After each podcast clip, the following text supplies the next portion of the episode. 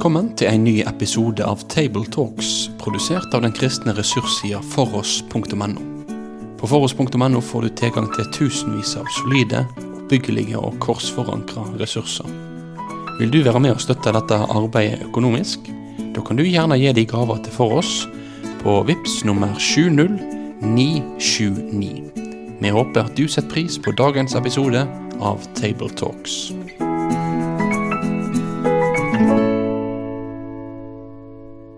Ja, da ønsker vi alle våre lyttere velkommen til en ny samtale over dagens tekst, eller kommende søndags tekst. Og denne gangen er det en svært kjent tekst. Og vi som skal samtale om den, er altså Svein Granrud, Asbjørn Kvalbein og meg, Egil Sjåstad. Teksten står i Lukas 15, dette lignelseskapitlet hos Lukas, der det er tre lignelser som ligner svært på hverandre. Og Vi skal lese fra vers 1 til og med vers 10. Alle tollere og syndere holdt seg nær til ham for å høre ham. Og både fariseerne og de skriftlærde knurret og sa, denne mannen tar imot syndere og eter sammen med dem. Da fortalte han denne lignelsen til dem. Om noen av dere har hundre sauer og mister en av dem, vil han da ikke forlate de 99 i ødemarken og gå av sted og lete etter den som er kommet bort, til han finner den? Og når han har funnet den, legger han den på sine skuldrer og gleder seg. Når han kommer hjem, ber han sammen venner og naboer og sier, Gled dere med meg, for jeg har funnet igjen sauen som jeg hadde mistet. Jeg sier dere, slik skal det være større glede i himmelen over én synder som omvender seg, enn over 99 rettferdige som ikke trenger til omvendelse. Eller om en kvinne har ti sølvpenger og mister en av dem, tenner hun ikke da et lys og feier huset, og leter nøye til hun finner den? Og når hun har funnet den, ber hun sammen venninner og naboer og sier, Gled dere med meg, for jeg har funnet igjen sølvpengen som jeg hadde mistet. På samme måte, sier jeg dere, blir det glede blant Guds engler over én synder som omvender seg. Ja, det var kjent, sa jeg, og det er også kjent, dette som det starter med her i teksten, da, at det er en konflikt mellom Jesus og fariseere og skriftlærde. For de knurrer, står det. Knurringa den er uttrykk for sterk frustrasjon da, over det de hadde sett hos Jesus, nemlig at han tiltrakk seg tollere og syndere, tollere som var skatteoppkrevere, og syndere som kunne være forskjellige slags typer mennesker. da. Outcasts, som det heter. Disse ble tiltrukket av Jesus, og han holdt seg nær til dem, og han kunne til og med spise sammen med dem. Så det er situasjonen da Jesus forteller disse to lignelsene. Så da er det utfordringen for oss når vi skal preike, og tenke over hvordan vi vil legge opp det, da. Skal du preike over den teksten, Asbjørn? Jeg vet ikke om jeg skal preke i år, nei, men jeg har jo prekt over den før, tenker jeg. Og jeg er forundret over Jesu geniale måte å kommunisere på. Altså med fortellinger her. Det kapitlet består jo først av, av én blant hundre som blir berget, og så er det én blant ti. Og så til slutt to, eh, og egentlig én fortapt. Men den storebroren var jo også fortapt og ligner på en måte en fariseer. Så hele kapitlet rammes mm. inn av dette med fariseerne som knurrer. Akkurat som den store broren knurret at, mm. at faren tok seg av den eh, syndige broren. Eh, så det er en veldig tale om Jesus og om Gud, den himmelske Far, som elsker alle, og spesielt synderne. Ja, det er eh, en litt, nesten litt for kjent tekst, men uh, det var visst et problem, hørte jeg en gang jeg lærte sånt. Men uh, denne trenger vi stadig høre om igjen og om igjen. jeg griper meg i å tenke at vi kanskje av og til er litt for kjappe med å avvise de skriftleide fariseerne. De, de, hadde jo noen tanker bak sin måte å møte dem de hadde gått i stykker for. For de visste nok at Gud hadde rom for dem, men da var det krav som måtte stilles, og veier som måtte gås, og ting som må oppfylles. Og så kommer Jesus og tar dem inn uten videre. Ikke bare i pølsekø og står noen minutter, men setter seg til bords. Og det var jo et tegn på fellesskap og den dypeste sorten på den tiden der. Sånn at Jesus' måte å inkludere dem synlig på var så i strid med det som var fariseernes vei for dem som ville vende tilbake til Gud. Så, så, det er eh, en veldig pedagogisk sak, dette her, som vi får høre. Om eh, ikke avvisning kontra ikke-avvisning, men mellom den uh, veien som går via alt jeg må gjøre, istedenfor han som sier 'kom til meg', og så tar han imot oss slik som vi er. Når en synder vender om, og det er jo kjerneuttrykket her, som vi må snakke litt mer om. Det er jo flere tekster som viser at Jesus tar seg av navngitte folk. da. F.eks. Matteus. I Matteusevangeliet så forteller Matteus sjøl, om vi tror, om den gangen han ble møtt av Jesus og uh, invitert inn i fellesskapet med Jesus, til å følge Jesus. Og den gangen han sjøl inviterte Jesus på selskap, og fariseerne og de skriftleide sto utafor og kritiserte. De knurret vel litt av. òg. knurret. Det samme ser vi også om Sakkeus. da. Så, så, det er antagelig et særtrekk ved Jesus som de oppdaga, at han har sansen for den enkelte. Om vedkommende var ganske langt utafor det jevne, respekterte befolkning, og at han spiste sammen med dem. Ja, og så er det jo da lignelsen her om de hundre sauene, da. Det er jo en stor flokk med dyr. Og jeg har hørt at en sauebonde kan tåle godt at det blir litt svinn på 1 eller 2 eller 3% når han skal samle om høsten. Det var vel heller regelen enn unntaket, sannsynligvis. Ikke sant? Ja. ja. Og så kommer det her er én som mangler, og da setter han himmel og jord i en bevegelse. Eller i hvert fall forlater han de 99. Og det er en dobbel risiko her, både at de 99 kan jo da være uten hjelp og støtte i den tiden, og dessuten så begir gjeteren seg over stokk og stein og i, ut i villmarka for å lete. Så det viser jo noe veldig sterkt at Gud leter og oppsøker. Vi snakker gjerne om at det er mennesker som leter etter Gud. og får, Jeg er på leiting, sier folk. Det er liksom det store og fine i dag.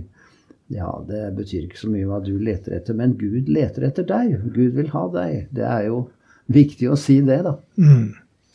Det grunnleggende ordet Jesus sier om seg selv, er jo ikke at han kommer for at vi skal søke ham. Det inviteres vi til, men da må vi forstå den sammenhengen. For det grunnleggende ordet for Jesus er at han kom for å søke oss. Og Hvis vi glemmer det, så blir veldig mye av vår teologi veldig fort litt uh, på halv tolv. Det er han som søker. For Paulus sier jo at det finnes ikke en som søker Gud, skriver han i rombrevet. Og det er jo fra en side sett blank løgn, for folk søker jo som bare det. Men underforstått, det er ingen som søker slik at vi finner. Altså hvis vår frelse skulle avhenge av at vi fant, så var det ingen av oss som fant, uansett hvor mye vi lette. Men så er det en som kommer for å søke oss. Og det er jo noe av det vakreste med disse lignelsene her, tenker jeg. At det er en som kommer for å søke. Og så begynner han ikke på toppen, i palasser og blant de gjeve, men han begynner nederst, ved bordet. Jeg tenkte litt på hvor spesielt det er, dette at han oppsøker den ene av hundre, som du nevnte, Asbjørn. Og, og likevel sier han om noen av dere har hundre sauer og mister en, vil han ikke da så han forventer egentlig et ja på det svaret, da, men det, det kunne ikke være et fulltonende ja hvis de var erfarne gjetere. da. Så det er ting Vi sier at Jesu lignelser, og især denne her, er veldig tverrkulturell og, og, lett å forstå. Men det er aspekter ved Jesu lignelser som nettopp viser skal vi si, forskjellen på det som er typisk blant oss, og det som er typisk i Guds rike. Det går alltid litt utover den rammen som vi veldig fort tenker at ja, her er det lett å sammenligne. Det ligger ja. ofte noen poenger der som vi må mm. ikke gå glipp av, for da mm. kanskje mister vi det aller dypeste. Og Vi tenker ofte, som vi var inne på, at uh, folk må jo få litt skikk på livet sitt først. Så kan Gud komme dem i møte. Men altså, det jeg har lært om sauehold, det er jo det at en sau kan Hvis den først roter seg bort, så gjør den det skikkelig, altså. De, de, da mister den all forstand og er bare dum. Uh, den blir så redd og desperat at uh, det blir kanskje veldig krevende for redningsmannen å finne den. Så dermed taler denne lignelsen veldig sterkt om Guds nåde hvordan den går til det ytterste for å oppsøke den som mm. har rota seg bort. Den med kjærligheten her som et hovedmotiv, da. At uh, den kjenner en sånn forpliktelse på å oppsøke. Uh, som går langt utover det en vanlig uh, bonde ville ha gjort. da. Så dette er en kjærlighet som er veldig absolutt og sterk, og som er villig til å forsake veldig mye for å nå fram til den som er kommet bort. Det er jo ikke særlig smigrende fra vår side selvfølgelig å bli sammenlignet med sauer. For det er jo som Asbjørn sier, at de har ikke så veldig mye tak på det når de ikke har noen som ordner opp for seg. Men uh, nå skal jeg ikke det hovedsaken i denne lignelsen, men det matcher jo allikevel det som står her. At mine sauer hører min røst, sier Jesus i Johannes evangeliet i den, det andre hyrdekapittelet, hvor perspektivet også er hvem sauene skal forstå seg som. Og det er jo veldig flott å se disse tekstene i sammenheng, da. For da ser jeg hyrden, hvem han er, og hvordan han ofrer alt for å finne meg. Og hvordan uh, jeg ikke skal strebe etter å være en løve eller et uh, mektig rovdyr, Jeg skal være en som stadig lytter til gjeterens røst. Og det er vel sauenes dypeste hemmelighet. Mm. De har én røst, og den følger de. Og når det er så enkelt å være sau, så, så, tenker jeg at jeg vil heller sammenlignes med en sau enn andre. For jeg vil høre den røsten. Om igjen og om igjen. Så er det viktig å forkynne da at vi virkelig er bortkomne. Det er jo litt sånn anstøt i denne fortellingen. Vi syns vi er så flinke, og vi får det jo til stort sett. og Eh, det er et sånt slagord at eh, der bra folk går, der er Guds veier, liksom. Mm. Så det gjelder bare å følge den gode strømmen. Men her er det sånn svart-hvitt-situasjon eh, som viser vår hjelpeløshet. Og, og, hvordan Gud slett ikke er likegyldig. Han brenner av kjærlighet. Av og til kan vi liksom lure på hvor er det Gud i denne verden? Men når det gjelder enkeltmennesker, å få dem tilbake til ham, så setter han mye inn på å oppnå det. Så kan det være det samme med mange ting i natur og omstendigheter og økonomi. Det, det synes ikke å gå veldig innpå Gud, altså. Men når ett, én sjel er mulig å berge, så gjør han det. Det er et poeng også, har jeg tenkt, at uh, ikke alle som kommer bort, hører til det sosialt laveste del av samfunnet, liksom. Vi tenker jo lett at den bortkomne, det er den som ligger liksom, i, det, i periferien av samfunnet, da. Og jeg, ja, vi tenker fort på rusmisbrukere og den folk, typen folk som da har slitt med livet. Jeg kom på dette når jeg la oss i en bok her om en salmedikter som heter Montgomery, som forteller om seg sjøl i sine unge år. Han var jo en svært oppegående person. Men så skriver han mitt urolige og fantasifylte sinn og min ville og ustyrlige tanke har for lengst revet seg løs fra troens anker og har drevet for vind og våver over et hav av tvil. Det var også en som var kommet bort. Forteller han sjøl, da. Og så forteller han hvordan han kom tilbake igjen og møtte evangeliet og fikk høre det. Så vi må kanskje, når vi preiker, unngå å tiltale forsamlingen som om dem som er Eh, er, de hører til liksom innafor de store, gode rammer.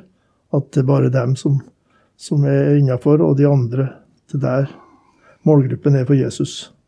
Det sitter mange rundt omkring i Norge som sitter godt i det, og som er flotte folk, men som allikevel har kommet bort. Det er klart Hvis vi skal våge å være så radikale som Bibelen er, og det må vi kanskje av og til, må vi veie ordene selvfølgelig en sammenheng vi er, men der står det jo at av naturen er vi vredens barn. Så det betyr jo at det er ikke slik at av naturen hører vi Herren til, og så kan det gå galt med oss. Men det har gått galt, og så er det den som må komme og finne oss. Så det er der det begynner, og jeg tenker det dypeste vi Det er jo spørsmål om mye en rekker på en preken. Jeg skal vel tale på et stevne, tror jeg, så jeg får se litt hvordan det blir den dagen. Men jeg nevnte dette med forskjellen på de skriftlærde Jesus. er jo ikke ulike tanker om at Gud vil ha alle, men det er veien. Og den synderen som kommer til Jesus og vender om, han får ingen billigere vei tilbake enn de andre. Han får en vei som er betalt. Han får komme til en som sier du kan komme som du er. Det hadde ikke fariseerne lært ennå. og Derfor kjente de ikke Jesus igjen som den Messias Det gamle testamentet preker om, for de mente at han måtte oppfylle lovens forventninger slik de tolker, dem, tolker dem. Og så er det mange oppgjør med Jesus. Ikke fordi han vil ha folk inn i Guds rike, men fordi han gjør det for billig. Og så aner de ikke at det er ingen som betaler så dyrt som Jesus gjør. Det er det store paradokset. Det er også veldig flott hvordan disse lignelsene, begge av dem, setter fokus på gleden. da. Det er jo også den siste lignelsen. Så gleden blir egentlig hovedtema. Eh, gleden som kjærlighetens følgesvenn, da, når en finner den bortkomne. Og den blir så sprudlende at den samler folk omkring seg for å dele gleden, da, for da blir gleden dobbelt stor. Eh, sånn er det i himmelen. Jeg husker den gangen Vebjørn Rodal vant gull på 800 meter. Mm. Var det i 94? Jeg husker veldig godt. Jeg hadde stilt opp klokka fem minutter for sent, så jeg sto opp på natta. og han var akkurat kommet til mål. Veldig surt. Det jeg husker det var at Mora mi, som da var langt over 80 år, hun satt og så på dette der. For det hendte at hun var veldig interessert i sport. Når det, på klokka fire om natta? Nei, det var ikke det. Det var vel opptak, da, sikkert. Ja, var det det. ja. Og så så jeg hvor veldig stor jubel dette skapte på Berkåk. da der Rennbygget i hundretall liksom storma til og jubla, og, og, og, ordføreren var intervjua og alt sånt. Så sa mor, bare sånn helt spontant Ja, det blir jo større glede i himmelen når en synder vender om, enn på Berkåk når Vebjørn Rodal vinner gull, sa Det var ikke utsagn. Ja, det var litt et utsagn. Ja, det forteller jo for, for så vidt også at hun i, gjennom livet har kunne dette verset utenat. Det var ikke tilfeldig, tenker jeg, at det kom fra henne. Nei. Og det er jo som et slags fyndord, vet du. Når Jesus sier sånt, så sitter det. Så blir det med oss. Ja. Det er jo det vi gjør her. Vi snikker og snakker om en god og lang tekst, og så finner vi alle de tingene som det er verdt å undre seg over. Og som vi må la oss overraske av. Som vi må se ikke er selvsagt. Og f.eks. dette da at Gud er skaperen av himmel og jord og den allmektige i hele universet. Og gjennom Jesus så har han vist at han bryr seg om den ene som er tulla seg bort og, og på vidvanke. Og han gleder seg dersom det kommer til omvendelse. Og det med omvendelsen er jo et viktig poeng, da, det siste poenget i denne teksten nå glede blant Guds engler over den ene synder som vender om. Så omvendelsen hører med eh, å bli funnet. Det er ikke bare bare det. Det er altså å la seg finne også, da. At jeg eh, sier til redningsmannen 'jeg blir med deg'. Jeg har jo hørt om at hvis folk er i ferd med å drukne og gå til grunne, så kan det hende de så å si kjemper mot han som skal redde dem. Og slik kan jo også ukloke dyr eh, være imot å bli henta ut av eh, dynnet som de har falt inn i. Men eh, vi må vende om til den som er vår redningsmann, og får glede av det. Og det skal vi undre oss over. Ja, og det, det skal vi dele den gleden, da. Det tenker jeg på når jeg hører om ting som har skjedd ute på misjonsfeltet vår, da, f.eks. At her er det noen, noen som har blitt døpt noen som har kommet til tro, tatt inn i menigheten. Til og med fra Japan nå hørte jeg nylig om noe som har skjedd der, som hjemmeværende japanmisjonærer var veldig glad for. Og, og, det å fortelle sånt det er en smittende glede over det. altså Jeg blir på en måte involvert i englenes glede i himmelen. Det syns jeg er flott. altså det er ikke bare, Vi må ikke bare kritisere forsamlingen for at de ikke gleder seg, for det er mange som gjør det. da av troende mennesker som opplever at, og får høre om sånt.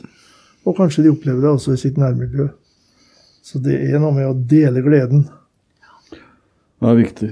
Det må vi snakke om, og vi må løfte det fram. Og det skjer mye rundt globalt som forteller om et Guds rike som vokser. Og det må ja. kanskje vi her i Vest-Europa løfte fram. Det gir litt tro på at Gud kan gjøre det samme her også. Jeg tror ikke lysestaken er flyttet i endelig forstand, men, eh, men vi trenger å tale om det som vi har talt om i dag. Og skulle jeg summere, så må det være bl.a. at vi taler om den verdien som vi har, som gjør at han søker oss. Mm. Og om du har en fin fasade og er borte fra Jesus, så har du akkurat den samme verdi som de som tydelig ligger i rennesteinen, og ingen tenker at de er noe verdifull. Jesus gir oss verdien og forteller hvem vi er.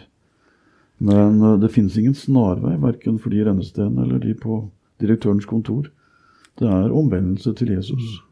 Og Den ene nåden det er den som han har betalt, og som uh, bare deles ut ved korset. Så vi må tale så tydelig om det. For fariseernes uh, vei tilbake til Gud, den, den har Jesus gjort annerledes. Og det så de ikke. Han oppfylte det som de trodde de tok vare på. Og så så de ikke at nå har han kommet som gjør det på den måten egentlig Gud alltid vil gjøre. Og slippe synder inn når de omvender seg. Jeg satt og tenkte litt på fra oppveksten min, da. Og møter ved forkynnere, teltmøter f.eks., der denne teksten ble lest. Eh, og hvor tilsagnet fikk lyde, da. Det var ikke bare orientering om hva som skjedde i teksten, men du som sitter her i forsamlingen, det kunne nesten være påfallende formulert, da, du som sitter her i dag. Men, men tilsagnet, altså det at du er invitert Jesus vil ha alle, ikke én så ussel er at Jesus har ham kjær. Og så blir det konkretisert ved at det sitter noen i forsamlingen som kanskje kjemper med den tanken at jeg er for, for ussel. Jeg passer ikke inn i, i det selskapet her. Jeg eh, er en som ikke Gud kan sette himmel og jord i bevegelse for å få tak i. Og så får de høre det. Og det, det har jeg med meg fra den, den, typen møter. Det er jo ellers nevnt litt om denne sølv, sølvskatten. da, De ti sølvmyntene mistet én, ikke sant. Jeg syns det gir litt mening, en tolkning der at det kan være et uh, brudesmykke som bruden har. Altså hvor du har kanskje et uh, skjold eller noe som har hekta på ti mynter, og så har ett én dekorasjon, én mynt, blitt borte. Og da blir det ekstra viktig. For jeg har jo skjønt det i, fine smykker og i ting som skal være en helhet. Hvis det mangler én del, så faller verdien kolossalt mye med en gang. Slik at um, det er jo en vakker tanke at dette er brudesmykket som er gitt. Og så mangler det én, og, det er du som hører nå, som mangler. Og det er en stor nød for denne bruden som mangler den ene. Og nabokonene blir eh, mobilisert, og man koster huset og finner til slutt. Og så er det en gleder, for jeg har funnet pengestykket som jeg hadde mistet. Men det kan jo være ordinære penger og kanskje ikke et smykke, jeg vet ikke. Men uh, i alle fall er dette et veldig nært bilde for mange. Jeg tenker på også Hvis du tenker på en julekrybbe som man har solgt på gjenbruksbutikker mm. Hvis det mangler f.eks. det lille Jesusbarnet i det, ja, så er hele krybben meningsløs. Det er ikke noe vits i å selge den. Eh, det er ikke interessant. Og tilsvarende her det mangler én. Og du er kanskje den, for Jesus bryr seg om den ene, synger vi i sangen. Mm. Som om ingen andre var. Det lyder jo Bjerkreims eh, gjengivelse av dette her. Da berører det også det med sanger. Ja. En blir jo veldig ofte bedt om å foreslå sang før og etter talen. Mm. Så jeg grubla litt på det òg, da. Hadde de tenkt på det, de, eller? Nei, du Nei, det er vi overlater sånn til deg. Det er, ja, det er du, som, er loven. ja, men eh, det er også barnesanger. vet du. Jeg så i det der store dokumentet som MF gir ut om forslag til salmer.